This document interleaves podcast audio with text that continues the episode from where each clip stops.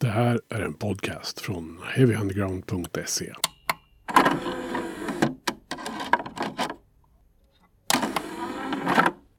Heavy Undergrounds podcast rullar vidare i sin klassikerserie. Eh, och den här, i det här avsnittet som eh, som vanligt handlar om en skiva som kom för 30 år sedan. Eh, alltså 1993 så ska vi prata om en platta som Ja, många vet om skivan men kanske inte filmen den hör ihop med. Så kan man väl säga. Den släpptes i alla fall 14 september 93 och eh, jag pratar om soundtracket till filmen Judgment Night. Och till min hjälp för att eh, dissekera denna 11 spårsskiva har jag min kompis och kollega Mischa Sedini. Tjenare! Hallå! Hur är läget i laget? Jo, men det är bra tycker jag. Det närmar sig sommar och sommarlov och vi får prata roliga pärlor från 1993. Så det är toppen skulle jag säga. Mm. Ja du, Judgment Night. Um, det här är ju en skiva som uh, när den släpptes, det, den känns väldigt mycket 90-tal. Alltså den här, vi har ju pratat om det här att det var okej okay att blanda saker på mm. 90-talet. Helt plötsligt från att allting hade varit i fack liksom med hårdrock, syntare och hiphoppare och allt vad det var på 80-talet. Men sen helt plötsligt på 90-talet så rev man alla väggar och slog in alla dörrar man kunde. Och det här är väl kanske det ultimata exemplet på just detta. För att här är det de coolaste hiphopbanden på den tiden och de fränaste alternativrockbanden från den här tiden som slår sina påsar ihop och gör musik tillsammans. Mm. Och i hela sitt kontext så blir det ju ännu roligare eftersom att det också rör sig om en, en, en skiva med låtar som är tilltänkta som ett slags soundtrack. Men som i slutändan inte alls, bortsett från en låt, används inte överhuvudtaget i filmen. Nej, det är anmärkningsvärt. Så att det är en jättekonstig ursäkt till att samla ihop det här projektet. Mm. Men vi ska sy ihop den påsen under programmet så man förstår vad det var som faktiskt hände. Ja, och man kan väl lugnt säga att soundtracket, alltså bara säger man Judgment Night till folk som är intresserade av den här typen av musik så tänker inte folk på filmen utan folk tänker på den här skivan. Ja, och tänker de sen på filmen så är det inte alltid särskilt många positiva tankar. Nej. Nej. Men vi kanske ska börja i den här änden. Alltså, du och jag, vi, har ju, vi pratar ju oftast om eh, plattor som innehåller alltså, rockmusik. Ja. Eh, I olika, av olika tyngd och valör om man säger så. Mm. Eh, här så brakar vi in i en annan genre som vi kanske inte har en sån här, i alla fall inte jag, en sån här jättestor relation till hiphop. Nej, och där är jag lika obevandrad som du. Mm. Det är ju liksom någonting som, ja, eh, den kontakt jag har haft med hiphop den skyller jag på Scott Ian i Anthrax lite grann. Eh, ja. Han sprang omkring på slutet på 80-talet i Public Enemy T-shirts på alla bilder man såg på honom. Eh, och sen så vet ju alla att de gjorde ju dels I'm the Man som var en plojlåt. Eh, eller vad man ska säga, en hiphop-låt. Ja. I, I, egen regi. Ja. Plus att de sen har gjort en cover på Bring the Noise med Public Enemy. Just Och även tillsammans med Public Enemy ska sägas.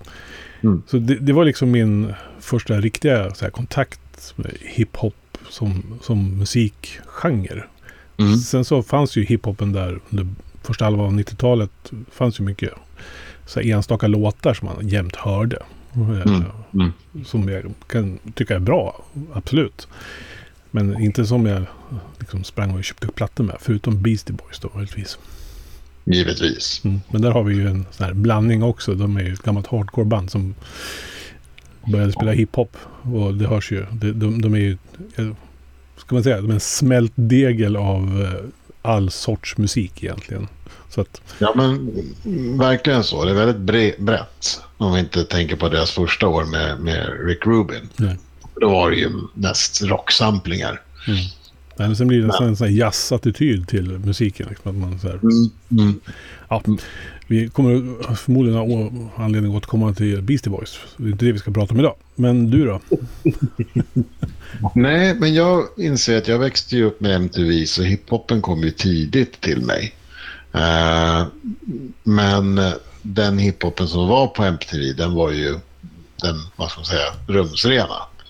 Eh, sen visst satt man väl eh, att man väl bakom gympasalen i, i mellanstadiet och lyssnade på Two Live Crew och, och fnissade.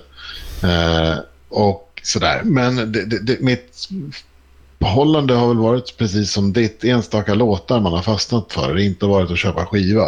Men, eh, men jag tror att det första bandet jag verkligen stod mig som jag inte riktigt har tänkt på under researchen men som slog mig nu när vi pratade om det. Ett band som faktiskt heter EMF. Som släppte en låt som heter Unbelievable. Just det. På, på, jag tror det är 1990 som mm. den släpps. Fantastisk låt. Och mycket, och jag tycker den håller än idag. Mm. Eh, väldigt kaxig och, och, väldigt snyggt producerat. Och den blandar ju faktiskt eh, rap mm. och, eh, och hårdrock. Mm. Eh, men annars så har det varit det där som florerade mycket på MTV. Beastie Boys, Arrested Development, Della Soul, Busta Rhymes. Eh, Mob Deep är väl det, liksom det mörkare, eh, mer underground som jag har lyssnat in mig på. Mm. Och sen då Public eh, Enemy och, och så är jag ett fan av Timbuktu också. Mm.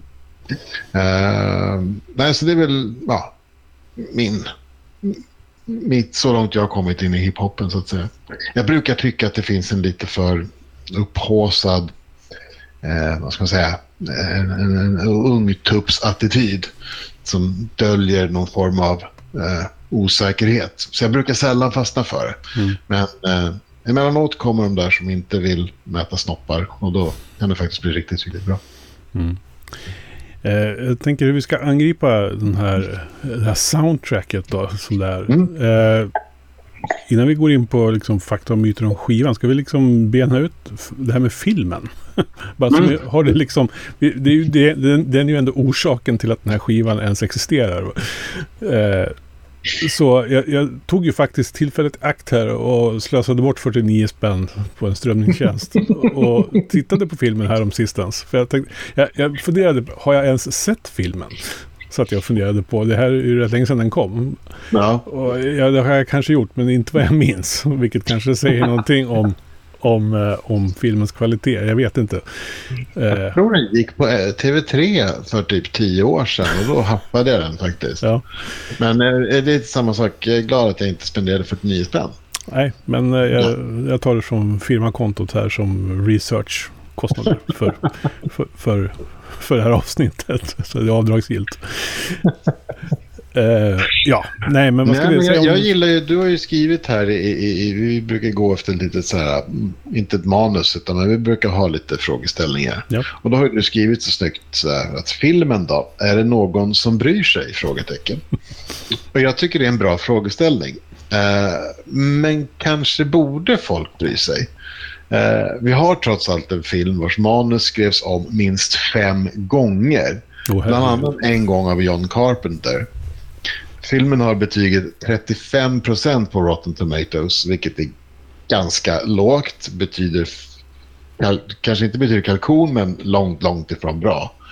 Regissören har ju sagt att han önskade sig John Travolta, Kevin Spacey, Ray Liotta, Tom Cruise, Samuel Jackson och Christian Slater i, roll, ja, i rolllistan. Men han fick nöja sig med Emilio Estevez, Cuba Gooding Jr. som då var okänd, eh, men spelade över redan på den tiden.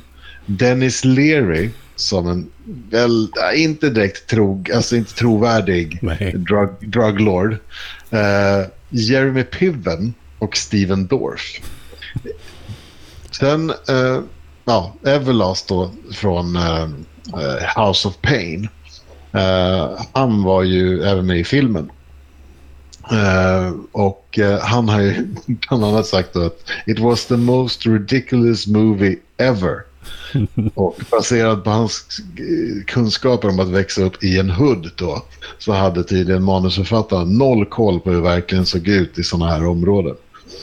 Och ur den aspekten så kan det vara lika kul att se denna film som de, den minst eh, verklighetstrogna svenska motsvarigheten då. Eller, ja, så jag tänker så här, den är väl ungefär lika trovärdig som sökarna. Mm.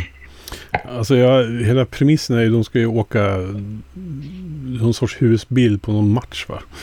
Mm. Har jag för mig. Ett gäng kompisar och Emilio Estevez han, han har precis blivit pappa och inte fått vårt utsläpp på två månader. Så han måste ju få släppa Mm.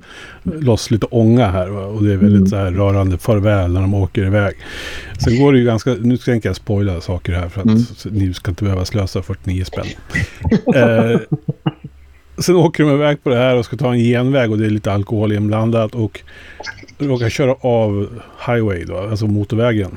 Eh, och på typ 20 sekunder så lyckas de ta sig till någon sorts så här dystopiskt eh, New York bakgårdsställe. Eh, ställe.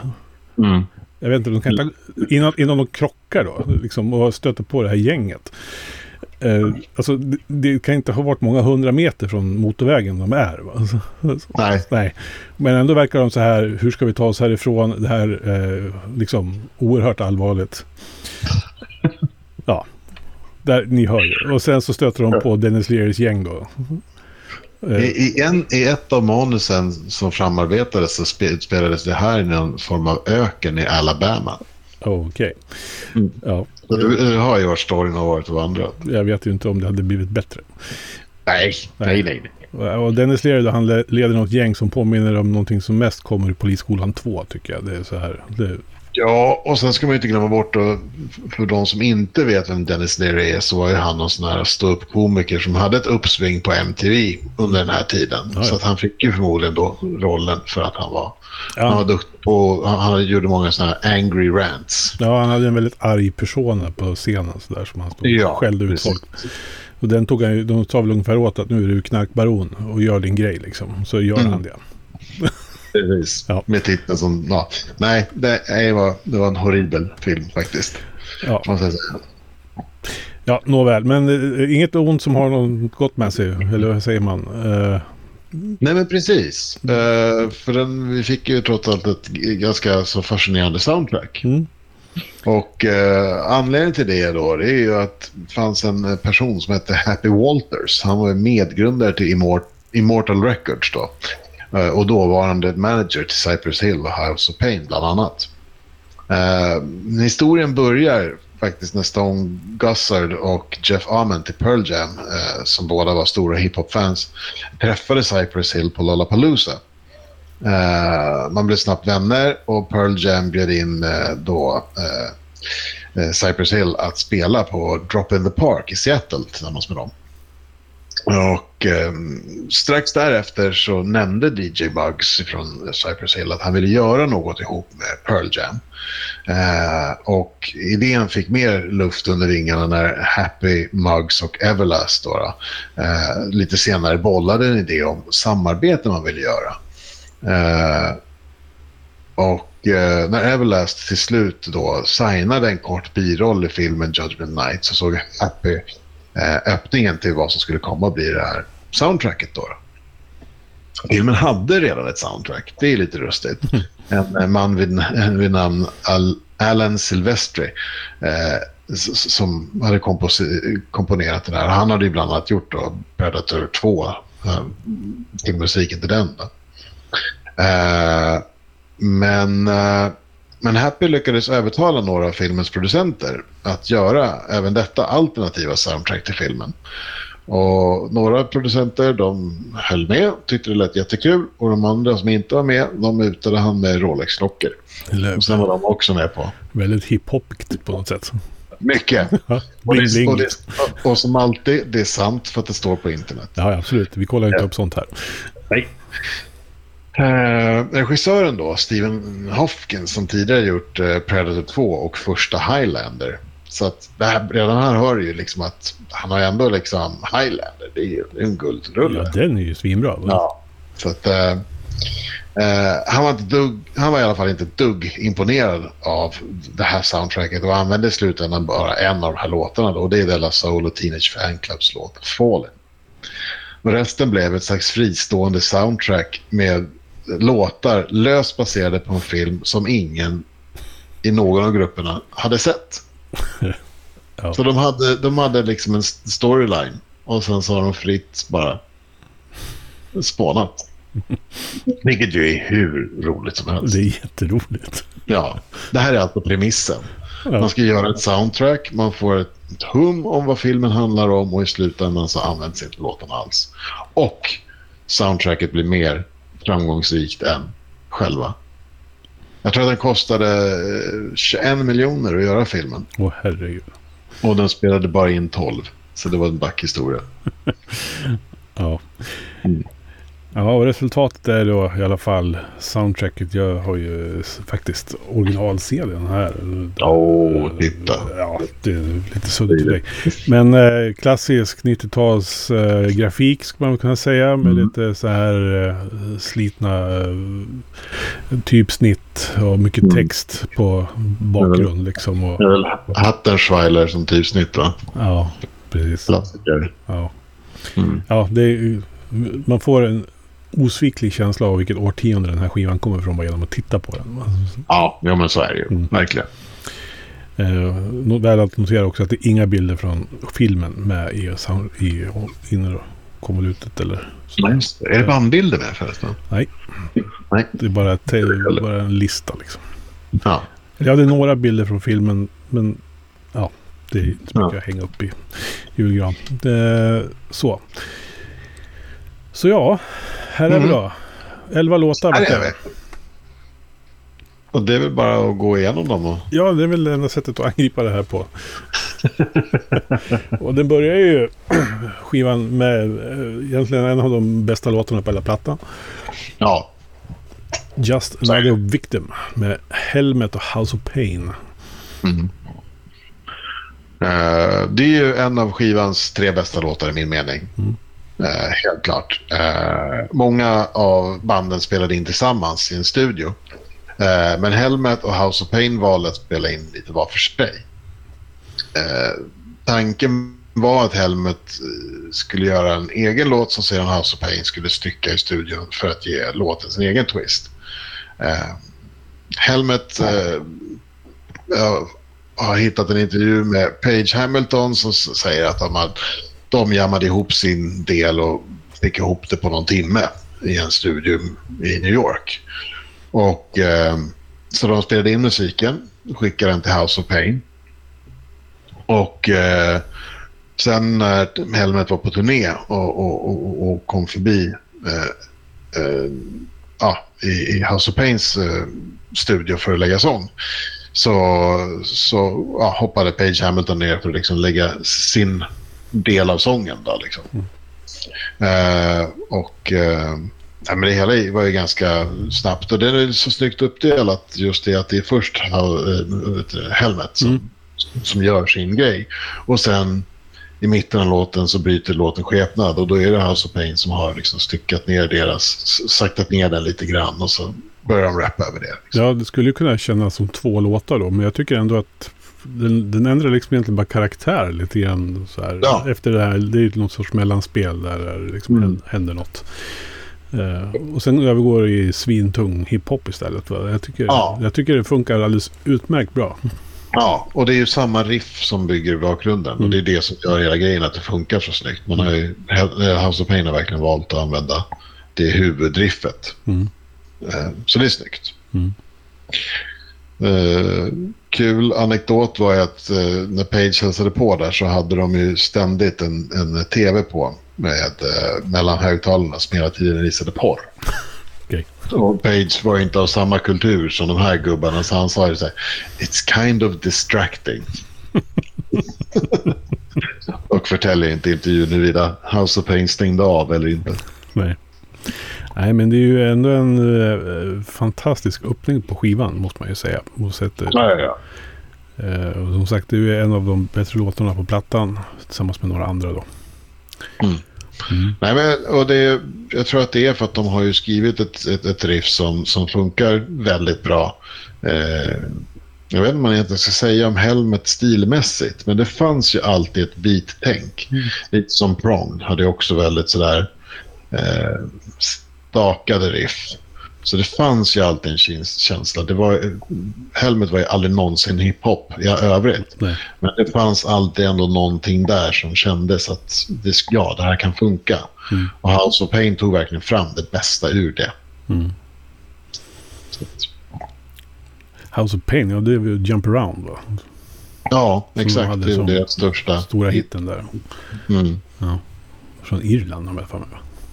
Nej, Boston. Ja, Boston. Ja, men de hade väl, de körde väl lite på sitt Ja, irländska de, arv. de alla liksom. var ju irländare. Så Ja. de var liksom, ja. Ja, Det var det jag menade. Att Mm. de, jag bara kommer ihåg att de körde väldigt hårt på... Det var mycket fyrklövrar och det, sådär. Ja, Ja. precis. Ja. Och mycket, mycket av samplingen var ju, vad heter det, säckpipa. Just det. Mm.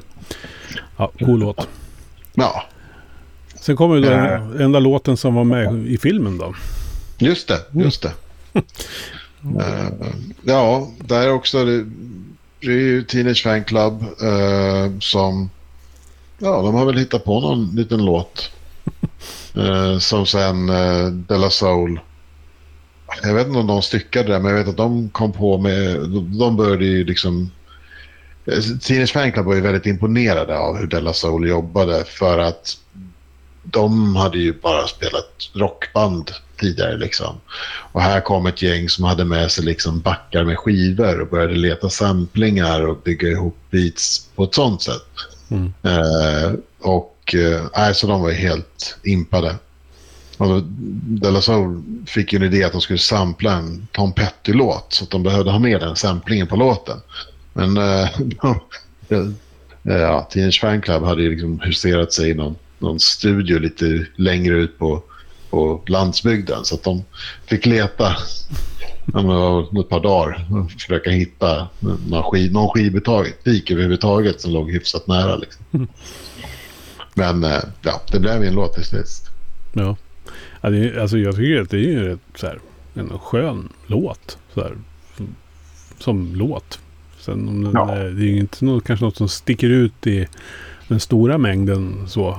Eller säga bara Nej. skadar som jag hör Tom Petty någonstans där så blir det lite slätstruket på en gång. Jag Ja. tycker att Tom Petty är ganska slätstruken generellt. Men Ja. Eh, nej, och, och precis. Låten säger väl inte super jättemycket egentligen, skulle jag säga. Nej. Eh, Däremot Så- så gillar jag ju Della Soul. Alltså det kommer jag ihåg från Ja. när det begav sig. Att de var en av de här banden som stack ut på något sätt. För de, de var ju inte riktigt de här uh, hårda snubbarna från Bronx liksom. nej, det fanns Eh, ingen tuffhet liksom. Nej, utan de var ju mera eh, hiphop-poeter på något sätt i sitt Mm. eh, sätt. Och var inte superpolitiskt heller. Nej. Man tar, det finns ju andra... eh, ja, nu kommer jag inte ihåg vad de hette. Ja, A Tribe Called Quest var Ja, ganska det. politiska. Liksom, sådär. Men, men De La Soul var verkligen lite mer flumhållet. Mm. Jag vet att eh, de hade en låt som hette Ring, Ring, Ring eller något sånt där. Den har bara hette Ring en gång. Men eh, den minns jag låg på en kassett som jag lyssnade väldigt ofta på. Ja. Eh, sen så kommer det ett par riktiga hiphop-legender på spellistan här. Eh, Run DMC. Jag menar, där har vi ju ändå några som på något sätt var med och uppfann hela genren. Ja. Så deras eh, liksom, historia innehåller ju även också en kombo av hiphop och rock. Eh, Ja. Walk This Way och Aerosmith. Eh, ja. så att de hade ju liksom redan haft fingret i det här på något sätt. Att göra en sån här grej. ja. Eh, och det gör de tillsammans med Living Color. Ja. Och Living Color är ett sånt där band som jag, jag har nog fortfarande kvar att, att möta någon som är eller har varit ett fan. Men de är ju en del av, av, av liksom rockhistorien på något sätt. De, de kämpas in där hela tiden. Mm. Eh, men jag har aldrig förstått tjusningen med dem. Det roliga var ju att för den här skivan så var det ju bara en av tre från Run DMC som, som trodde på hela konceptet och ville göra en till låt. De andra vill, de, de ville ju inte göra en repris av just Walk This Way. De hade ju haft en superhit. De hade ju liksom öppnat det här rummet. Mm. Det, ska ju, det ska de ju ha ett jättecred för. Eh, när det gäller eh, Walk This Way så var ju det introt till den låten hade de ju liksom som en loop. Och då, den hade de liksom använt att liksom värma upp backstage med att liksom, ja, och, och, och, och freestyla kring. Och sen var det ju Rick Rubin som tyckte att det här kan ni göra en cover på. Mm. Ah, sådär, men de provade och så vart det bra. Eh, men, eh, men det var ingen som trodde att det skulle bli en singel. Hur som helst, den fick ju världens succé och öppnade ju verkligen eh, dörrarna mellan hiphop och rock. Eh, så att det ska de ha all cred för. Men någonstans så valde de ju trots allt liksom att, ja, att göra det här igen. Mm. Och, och, och Living Color, de var ju såklart mer pepp för att ja, de får jobba med Run DMC. Herregud, det är ju liksom legender. Mm. Så de var väldigt mycket pepp. Men eh, ja, låten blev av och i slutändan, det är en repris av Walk This Way. Mm. Mm. Så. Fast mindre bra. Utan Steven Tyler. Utan Steven Tyler, precis. Så att, eh, ja, nej.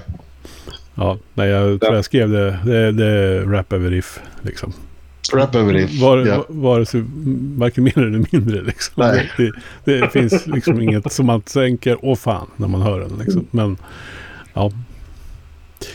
Eh, sen så kommer vi till ett band som jag ändå tycker är väldigt mycket 90-tal. Och det är Biohazard. Eh, Ja, gud ja. som eh, tillsammans med Onyx gör titelspåret kan man väl säga. Judgment Night. Mm. Ja, vad finns det att säga om den här? Ja, det är lite roligt. De har ju titelspåret, men du vet, de hade inte heller sett filmen. Så att det här handlar ju inte om filmen, utan de hade ju bara så här, vi gör en låt till en film som heter Judgment Night, det är klart den ska heta Judgment Night, för det var ingen annan band som hade döpt den till Judgment Night. Det är verkligen liksom en av Onyx gubb- snubbarnas formulering till varför låten heter så. Jag tycker den här är lite rolig. Alltså, den är inte bra, tycker jag inte. Den är ganska hafsigt inspelad eh, och, och, och stökig. Men storyn bakom gör den ju desto roligare. För att eh, Billy då från Biohazard, han, de, de jobbade ju i, i, med någon som heter Steve Ett som har jobbat mycket med Beastie Boys. Och de jobbade ihop låten i England. Eh, och då har man varit där över och jammat och sådär. Eh, och sen så i, när man väl var hemma då så, så fick man ju låna Black Sabbath studio. Mhm. Eh, I vilken man då låste in sig och drog till ett redigt partaj. Man försökte komma i stämning. Problemet är när man försöker komma i stämning med några partier är att man inte spelar in så väldigt mycket. Men eh, ja, det var värt det tydligen. För Billy tyckte att man jobbade på att få ihop rätt vidd. Man måste ha rätt vibe. Men eh, när väl Tony Iommi hörde av sig och ville ha tillbaka sin studio för han ville prova någon ny idé han hade, ja då fick man ju gott skynda sig och leverera låten fort. Jag vet inte, jag tycker det hörs i resultatet. Mm. Det är liksom ett väldigt diffust beat, ganska kackigt inspelat och sen så eh, ett gäng personer som skriker texten. Ja. Det är, det är ganska flatline hela vägen också. Det är, det är inte någon uppbyggnad, det är inget riktigt avslutande. Att det börjar beat och sen börjar man skrika och sen så kör man det i fyra minuter. Men det är coolt att skrika Judgment Night. Jävligt coolt. Ja. Ja,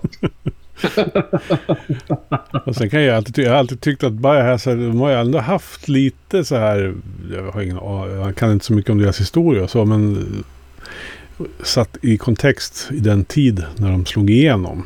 Så Mm. kändes det ju som att de lånade ju åtminstone ganska mycket eh, klädestetik och sådär från hiphop. Alltså, Ja. alltså så många av hardcore-banden på den Ja. tiden eh, gjorde, om man nu ska kalla Biohazard hardcore då, men nu, nu gör vi det för Mm. enkelhetens skull.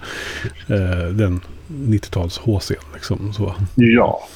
Jo, och de var ju verkligen det. Det var ju precis som, lika så gjorde väl även uh, Machine Head på första plattan. Mm.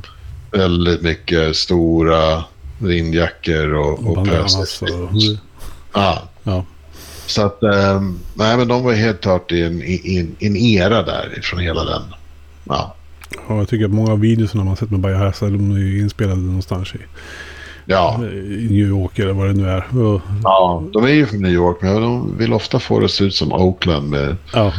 ja, men det är alltid sådana här hus med, med, med ja, ja, Gunnebostängsel och, och, och så alltid någon som har en hund. Och, Förmo- Förmodligen någonstans där som de kraschade med, med husbilen i filmen. Då. Så. ja, precis. Och sen så är det alltid någon som står och dricker 45 ounces. Ja. Ja. Nej då. Nej, men alltså, jag kan ju tycka att den här låten är ju... Alltså, ja, man kan väl ha åsikter om att den är lite, lite slarvigt inspelad. Men jag tycker ändå den... Det har väl med tit- att det är titelspåret och sådär. Men det, som sagt, stå och skrika Judgment Night, det, det funkar liksom. Jag kan, tycka, Ja. jag, tycker, jag kan tycka att det är en av plattans ändå liksom... Den, en av de låtar man faktiskt minns från skivan. Alltså. Ja. ja jag, jag, jag är glad att du gillar den. Eh, ja, sen så dyker Ice-T upp eh, och han gör det Mm. tillsammans med Slayer av alla band eh, på jordklotet eh, i en låt som heter Disorder. Mm. Eh, alltså, ni, jag gillar ju Slayer väldigt mycket och man kan Mm. väl bara konstatera att det låter Slayer. Det låter Slayer. De har inte gjort speciellt mycket. Alltså, det, är ja, det, det är Ice-T som är hiphopen här. Liksom, that's it. Och han, han, han försöker hänga med Tom Araya. Liksom. Det, Mm. Det blir ju ännu bättre. Det är, jag tycker det är ett väldigt trevligt försök och jag vill tycka att det här är en av de bättre låtarna. Men jag hör vad du säger och, och jag erkänner det. Det är inte riktigt... Jag, jag mindes den som bättre. Eh, men jag har inte lyssnat på den på typ tio år. Så att nu när jag lyssnar på den så nej, kanske inte så jäkla rolig i alla fall. Nej, och Slayer hade väl kunnat kliva ut på scen och göra den här själva liksom. Och ingen hade tänkt på att vad fan är Ice-T liksom. Nej, faktiskt. Ganska mycket så. Väldigt mycket så. Så det blev det, Precis, det är kul att Ice-T är med. Men det är mer Ice-T ur body count än vad det är Ice-T som en hiphopartist. Ja. Så det, precis, det vart inte mycket hiphop i det. Nej. Nej. Men eh, det är ändå en, en bra historia bakom den här som jag gillar. Det är ju eh, Ice-T han kom in till studion en kväll och så höll Slayer på att sätta ihop ett medley. Eh, tre, det, hela den här består ju av tre låtar från, som Exploited har gjort.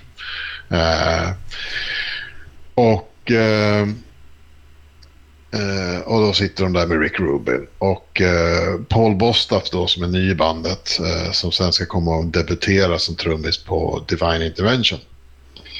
Eh, så eh, han håller på att lägga trummor då. då. Och när väl Araya och Ice-T ställer sig i sångbåset så ja, man ställer sig där och gör lite som Onyx och, och Biohazard. Man skriker lungorna ur sig ett par varv. Enligt Ice-T så var det inte många tagningar när det var klart. Eh, men eh, det roliga med historien är att när de var i studion så var det lite på nyheterna. Och av en ren slump då så rapporterar man om något sånt där rasistdrabbel. Det var väl någon demonstration eller så. Och eh, bildmaterialet det var ju liksom ja, demonstrerande vita män. Och några utav de här bar t-shirts med Slayer-tryck för bröstet. Då. Och eh, Ice-T minns att han, när han stod där och tittade på det här så kom Kerry King bakom honom och liksom klappade honom på axeln och sa det sådär att det ska bli så jäkla kul att dessa kids ska få höra oss ihop tillsammans. Det kommer verkligen att liksom röra till det i huvudet för dem. Man menar liksom att vi är inte så förtjusta i de här fansen. Men de kan få en liten törn med att vi gör en låt tillsammans med Ice-T. Mm. Det tycker jag är jävla fin. Ja. Alltså, I synnerhet eftersom att Slayer oftast liksom får det här kastat att de skulle vara sassar eller nassar. Precis. Ja, det är det jag skulle komma till det. Alltså, de har ju den imagen lite grann. Jag menar deras logga med örnen. Och, Ja. och sen har, sen, de har vet det, fanklubben kallas för, för Slatanic Wehrmacht. Liksom. Det är så här. de har, de har ju, det, är- det ju en provokation naturligtvis. Precis Ja, som att ja. de slår spikar genom biblar och sånt där. På skivomslag eh, och allt vad de har gjort. Och, men samtidigt så... Och det, det måste ju vara ett av, på något sätt, de absolut vitaste banden ever. Ja, Eh, Slayer eh, som sådant. Men samtidigt så har de ju ändå, om man tittar tillbaka så har de ju en liten, liten historia inom hiphopen Slayer. För att de, de har ju samplats av både Public Enemy Mm. eh, är de med på någon låt på debutskivan tror jag. Ett, Ja. ett Slayer-riff som de har samplat runt. Och sen naturligtvis på Beastie Boys debutplatta så är väl Kerry King inblandad på något sätt jag för mig. Jaha. Ja, jag det tror han, är en av de, han, han spelar gitarren på, eh, på, vad heter den? Party. Den, deras första hit. Ja, ja. Fight for your rights. Ja, Jaha. det har, Det var... Ja, eller om det han bara är med i videon. Han, han har i alla fall, men det var väl för att Ja. Rick Rubin, de hängde, det var väl en klick liksom sådär. Så, Ja. Men så att de har ju lite ändå koppling sådär. Samtidigt som de har Highlander-fans liksom. Som, Ja, men det är väl det jag tycker är så spännande därför att jag menar, alltså Slayer gör ju det som alla metalband gör. De sjunger om the evils of the world. Eh, och de gör det för att det fascinerar dem. Eh, och, men det betyder ju inte att man backar det. Nej. När man sjunger liksom Auschwitz, the meaning of pain, the way that I want you to die. De har ju klivit in i en karaktär i den här. Det är en berättelse om en ond jävla människa. Vill du så kan du absolut vara nynazist och lyssna på det och gå igång på det. Det är inga konstigheter. Du bara väljer att tolka texten på ditt sätt. Men någonstans så kan man ju liksom inte bara placera mm, vad låten betyder utifrån på en artist. Mm. Utan det är ju det är upp till artisten vad den faktiskt betyder. ja, nej men så att det, Slayer är spännande på det sättet. Och det här då, kombon, det här då med Ice-T och man tar med någon från Mm. helt annan typ av subkultur. Så här. Så Ja. Det får man ändå ge Slayer. jag. ja. Sen att det inte blev någon hiphop, det får vi lära. Ja.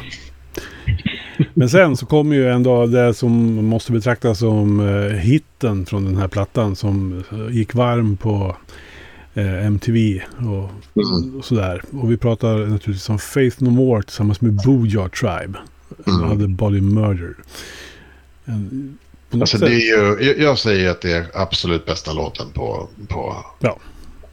eh, på skivan. Helt klart. Faith No More var ju ganska populära då efter Angel Dust och fick ganska mycket erbjudanden om samarbeten och att göra remixer och sådana saker. Och, eh, Billy Gould har ju sagt att han liksom, man blev direkt väldigt sugen på projektet när det nämndes. De har ju varit in och nosat på lite hiphop i, i Epic och även lite i uh, udda variant av, av rap i eh, Midlife Crisis.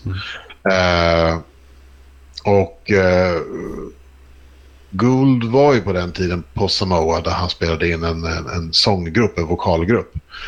Och, eh, och började genast leta efter Booyah Tribe då som han visste var därifrån. Eh, Mike Patton han gick igång på, på, på Samoas nationalsång och man började liksom jobba på någon form av version som innehöll den.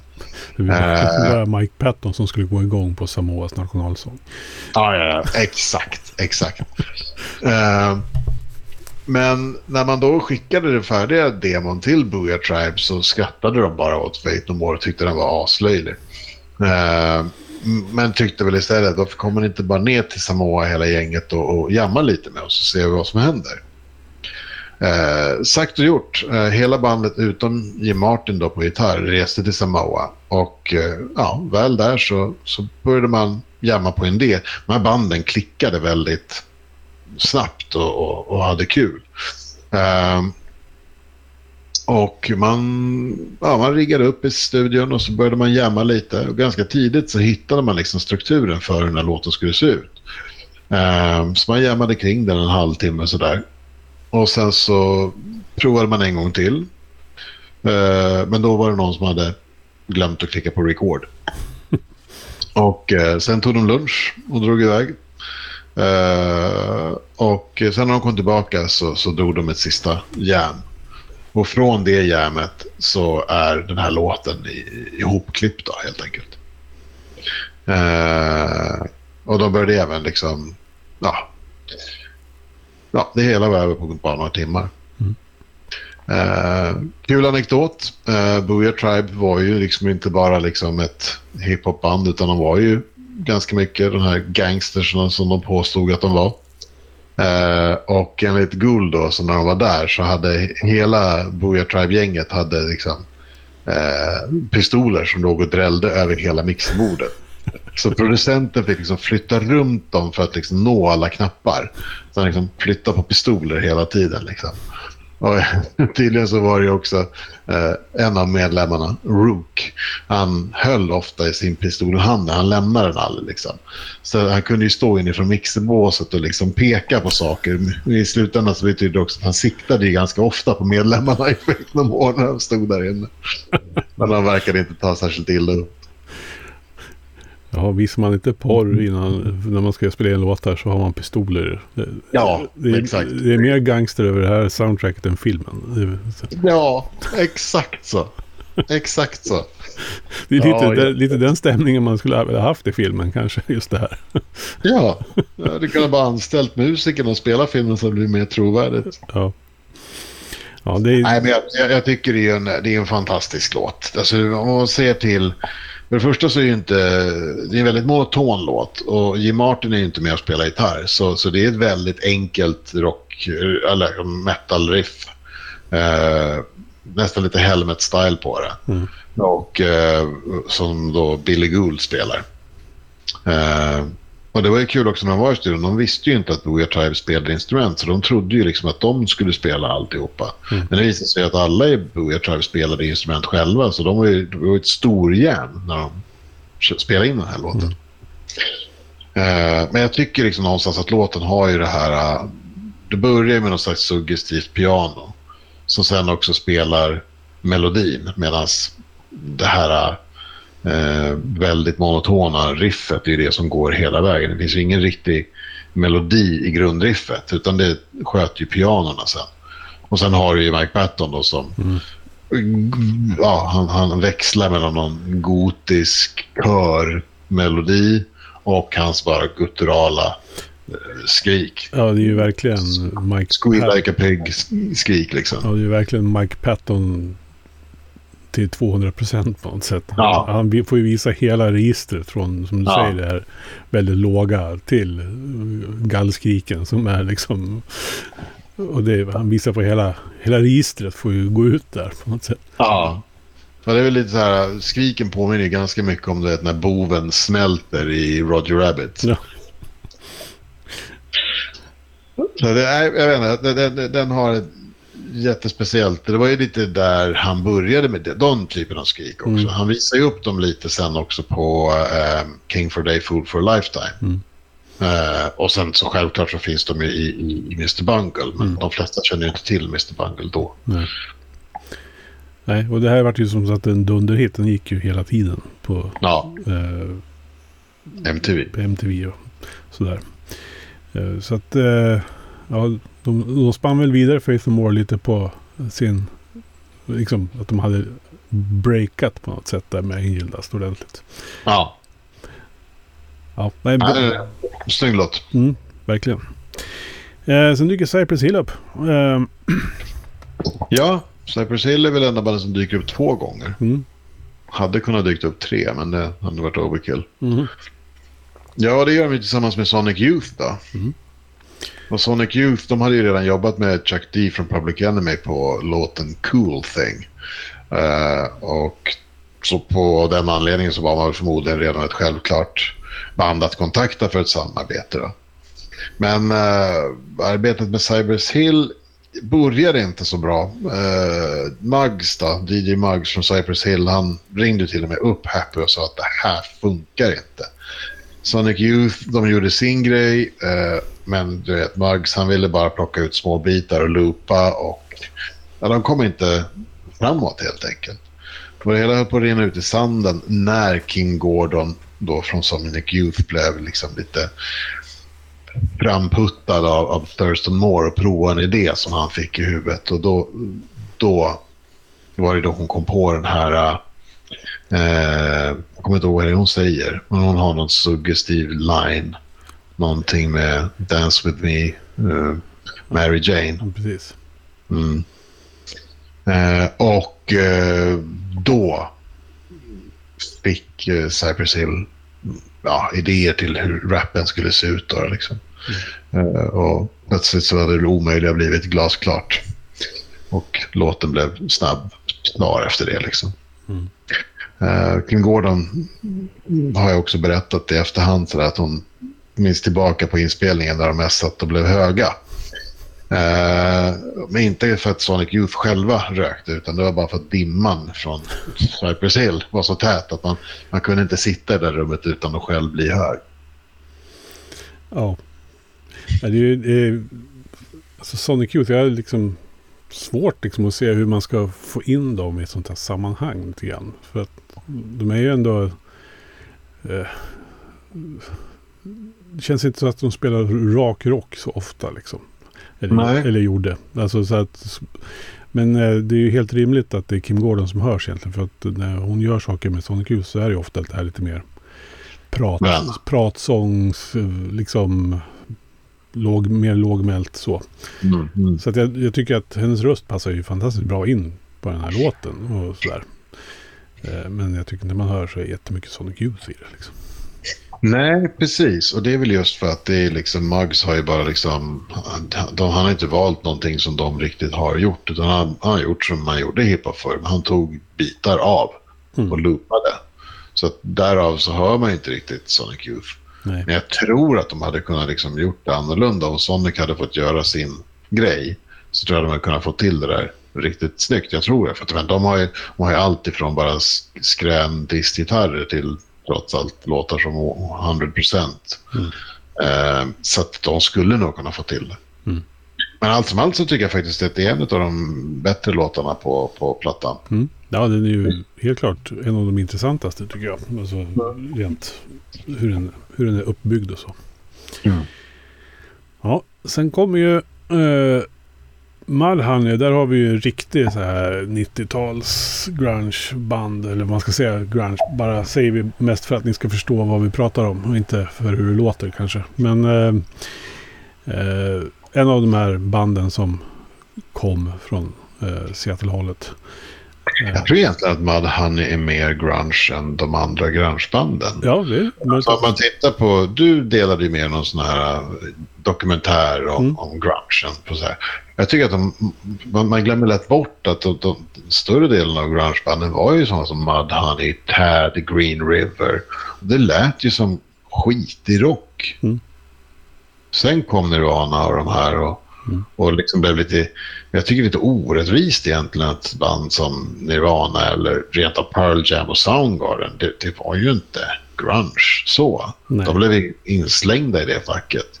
Men jag tycker de riktiga grungebanden är de här som tog vidare på de här Pebbles, Garage Rock-banden från 60-talet. Mm. Det tycker jag nog. Mm. Men oavsett så, så ja precis, Mudhoney eh, får vara med. Ja. Och de parades, de ville egentligen paras ihop med Cypress Hill, men ja, som sagt, Cypress Hill kan inte vara med tre gånger. Så att då istället så parades de ihop med Sir Mix a lot. Och det låter ju som en ganska konstig mix.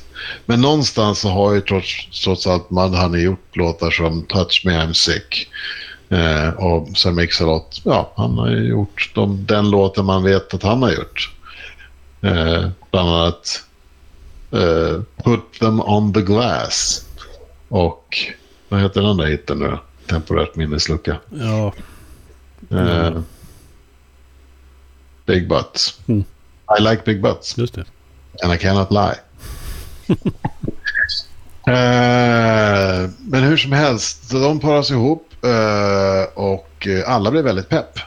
Eh, särskilt eh, Sir Mix-a-Lot. Och eh, han pratade tillbaka om det som att han var väldigt så här han kände väldigt stark vördnad för bandet. Han ville göra det här bra. Han ville liksom inte skämma ut vare sig sig eller bandet. Han ville göra en, en snygg låt. Och när han kom till studion så satt de redan och höll på att spela, eh, liksom skriva låten och höll på att spela in.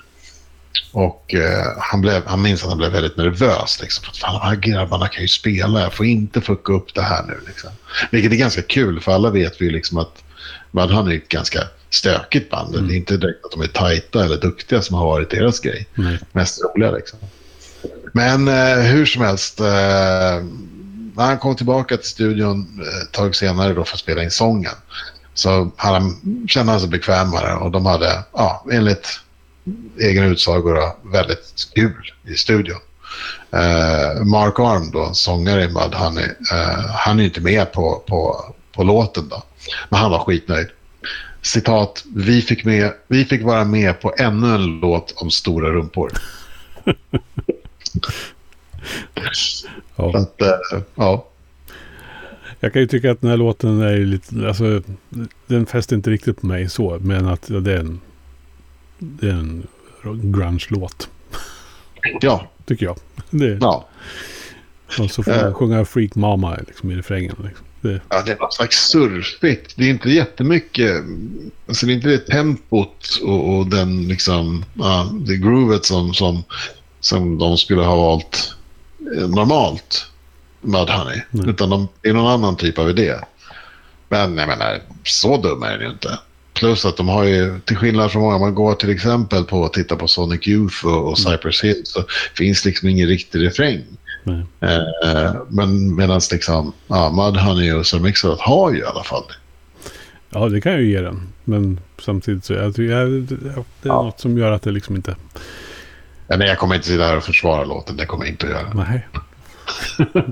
Stånga mig va. Så, så.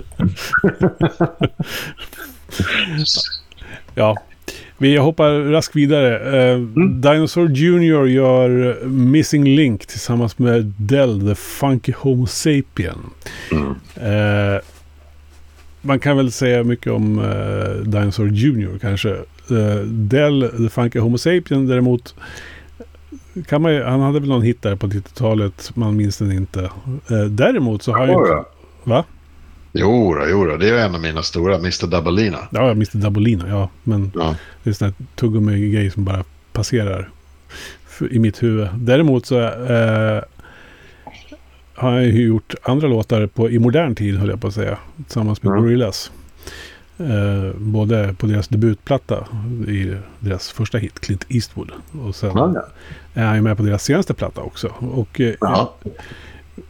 Nu vet jag att uh, Mr. Dabolina, ja. Men eh, på många sätt så har han ju ändå en röst. Alltså sättet han rappar på gillar jag väldigt mycket. Mm. Eh, det är så här, det är väl lite som Public Enemy har också. Det är lite viss attityd i rösten i, i Mm. rappen på något sätt. Där vikten ligger på hur man betonar och drar på ord och sådär. Mm. Eh, Exakt. Och det tycker jag att Del de Funky Homo Sapien är svinbra på. Och det är väl liksom behållningen på den här låten som i övrigt... Ja, det... Jag minns knappt. Nej, men det finns ju alltid, jag håller med dig. Alltså, för mig är den, den, och det är mig personligen, jag tycker bättre om hiphop och hiphopröster när de inte fyller ut med spack och, och, och nigga och, och, och liksom bara en massa svordomar. Utan jag tycker det är skönt när de är liksom, jag gillar de här poetiska, de som vill ha ett flow, de som vill leka med orden. Mm. Eh, och det gäller ju även egentligen de hårdrocksband jag lyssnar på texter på är ju samma sak. Mm. Eh, jag har inte direkt suttit och försökt lära mig texter till Slayers plattor. Det, jag behöver inte kunna dem liksom. Utan, ja, det tog mig jag tror det tog mig ett par år innan jag fick reda på att eh, Tom Araya inte sjöng Bombs Away utan han sjöng War Ensemble. Ja. Jag tror det var Bombs Away. men hur som helst. Eh, nej, men jag, jag tycker det är... Jag, jag håller med dig. Alltså, båda banden har ju gjort bättre låtar. Så enkelt är det ju. Men jag tycker det är ett skönt gung. Tydligt 90-talssväng. Det är väldigt 90-tal hela låten. Mm. Eh, och sen var ju låten tillräckligt bra för att hamna på Dells Best Off i alla fall. Ja. Att, eh, något intryck lär den väl ha gjort. Mm. Ja, eh, man märker ju lite så här. Låtarna på slutet på den här, eh, i det här soundtracket är ju lite så här.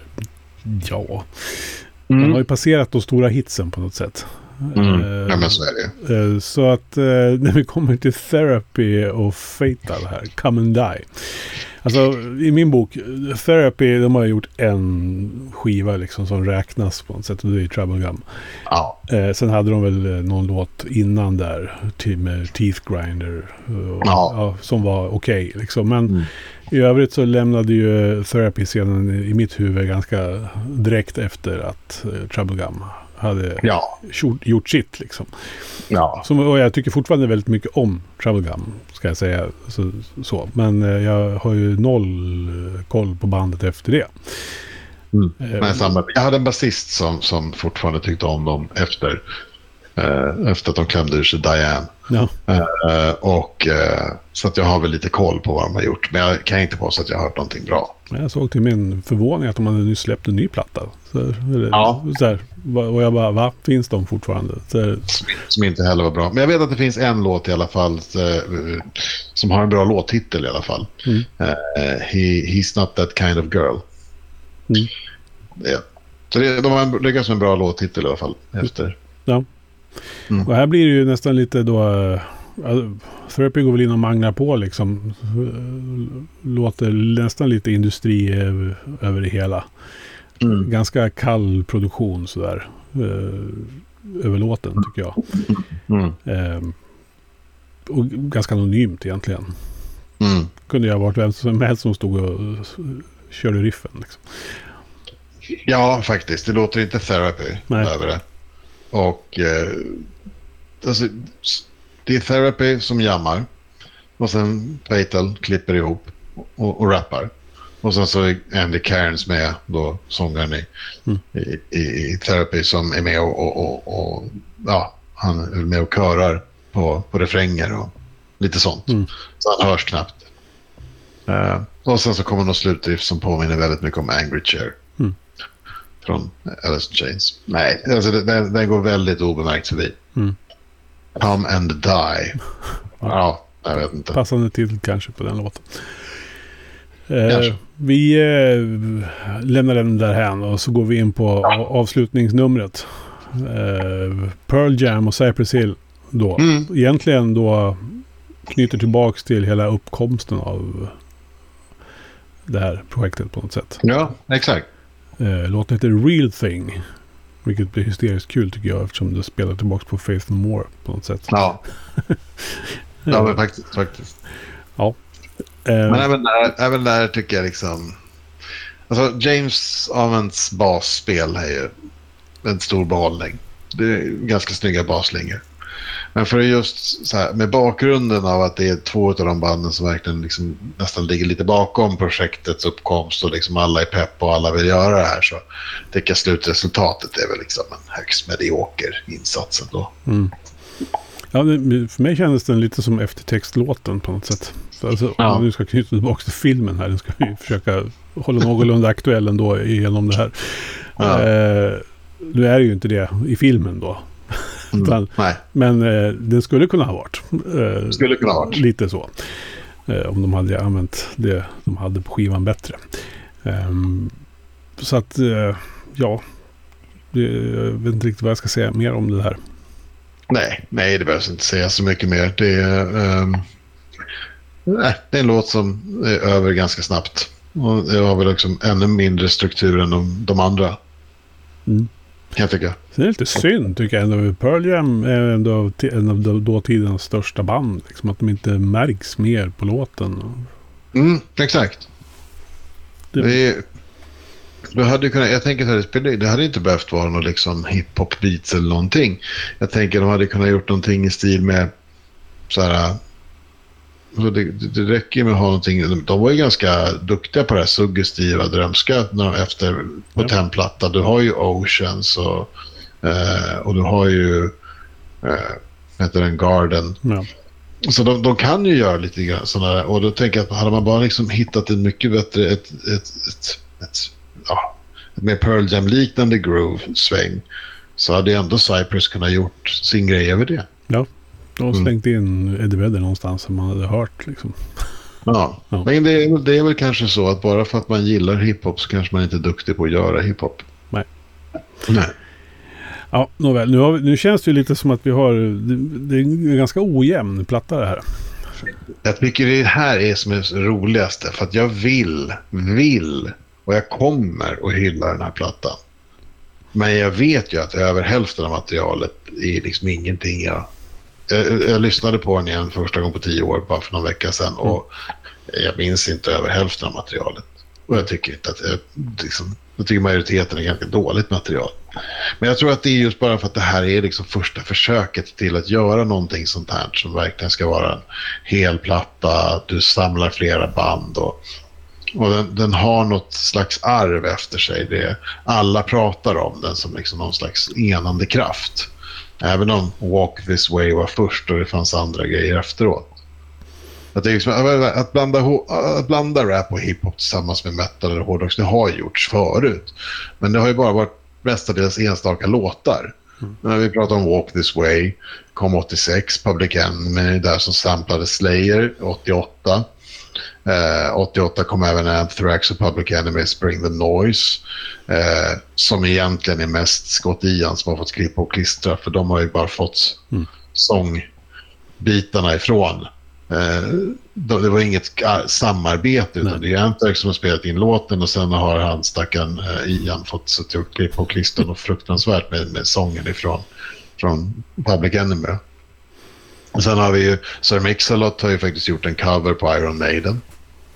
Eh, Beastie Boys hade ju ofta rockbaserade samplingar. Uh, Ice-T startade Body Count 1990. Så det är liksom det är inte supernytt. Men sen i början på 90-talet då så, så band som Faith No More och Red Hot Chili Peppers får ju stora framgångar med rap i sin musik. Och, och den här plattan börjar ju spelas in innan Rage har sitt eh, genomslag. Men när den väl släpps så har ju Rage slagit igenom med dunder och brak. Så det öppnar ju då en eh, ganska bra port för den här plattan att komma. Filmen floppar. Soundtracket däremot blir en eh, snabbt eftertraktad skiva att äga och ganska inom kort eh, närmast kultförklarad. Mm. Jag vet inte riktigt vad det är som gör det. Men jag har ju samma känsla för den. Mm. Uh, men... Det har, uh, har väl lite att göra med... Alltså dels fick de ju en bra kit där med Faith and War Buja Tribe som, liksom, ja. som drog den liksom så. Mm. Och sen är det som du säger att det var ju ogjort liksom en, en sån mängd eh, samarbeten. Ja. Eh, Sen vad resultatet blev egentligen, ja det får väl vara det det är då. Men det tror, kanske var mindre viktigt. Det var liksom ansatsen uh, som de hade. Uh, mm. så. Och sen var det ett coolt namn på det, Judgment Night. Liksom. Man kan mm. läsa in allt möjligt i det. Så, tänker jag. Mm. Ja, men faktiskt. För sen kan man ju diskutera om det är soundtracket som gör att scenen snart exploderar med band som Korn, Deftones, Cold Chamber, Limp Bizkit, Slipknot. Eh, eller så kan det vara att den explosionen redan låg och puttrade sen innan. Det är svårt att veta liksom. Ja, och det här kanske, men, bara, kanske bara var kvittot på att det, att det går att göra och då mm. släpper mm. spärrarna på något sätt. Ja men verkligen. Mm. Jag tror att den hade en bidragande effekt. Mm. För att det är ju trots allt så att det är många band och, och, och sen många människor som säger att liksom, ja, de har haft den här som en inspiration. Mm. Och det är många som säger ja men gud ja, Judgment Night, klockrent soundtrack. Mm. För att, eh, sen försökte han ju, den här Happy, han försökte göra om det här både en och två gånger och en av dem är ju Spawn. Mm. Eh, men det soundtracket blev inte alls lika framgångsrikt. Nej. Och sen så kom det ju andra och gjorde liknande soundtracks efteråt. Du, du har ju vad hette den där Brandon Lee-filmen när han dog? Crow. The, Crow. Ja. Och sen har du ju även... Uh, uh, finns det inte till? Det var inte Tales from the Crypt hade någon film som också hette... Kanske de hade, ja. Judgment Night eller något sånt där. Mm. Som jag för också hade mycket rock och metal. Så, mm. eh, jag, som jag vill minnas så var det nästan startpunkten för, för liksom, hårdrocksbaserade soundtracks. Mm.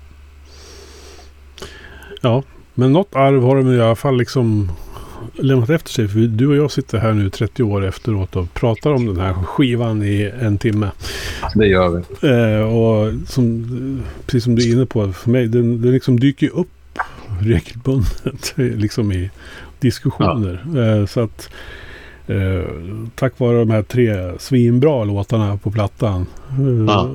och bara känslan i den eh, gör väl att det, det är en av 90-talets stora klassiker ändå. Ja. Och nu hör jag att du försöker runda av, men jag kom på en sak vi har glömt att nämna. Och det är ju faktiskt, var ett band som skulle ha varit med, det är två band som skulle ha varit med. eh, på den här och gjorde en låt. Men den kom aldrig längre än till demostadiet. Raids Against the Machine och Tool, som redan var vänner, eh, de gick in och skulle... Eh, ja, de, de, skulle ju försöka göra en låt tillsammans. Och eh, att den blev inte tillräckligt bra helt enkelt. Och går man in på, på YouTube så kan man söka upp, jag tror man kan hitta både en och två olika versioner av den här låten. Mm. Eh, men som sagt, inget av bandet blev nöjd. Det gick inte förbi demostadiet, man gjorde inte ens ett allvarligt försök att spela in den. Mm. Så att, eh, ja, det kan man, om man är nyfiken på mer material från den skivan så kan man gå in på YouTube och leta. Bra tips där. Du, Michel, vi ska ta och avsluta det här nu. Eh, mm.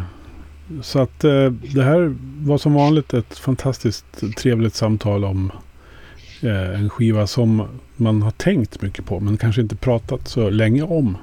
Nej. Så att, eh, och kul att göra research om. Mm.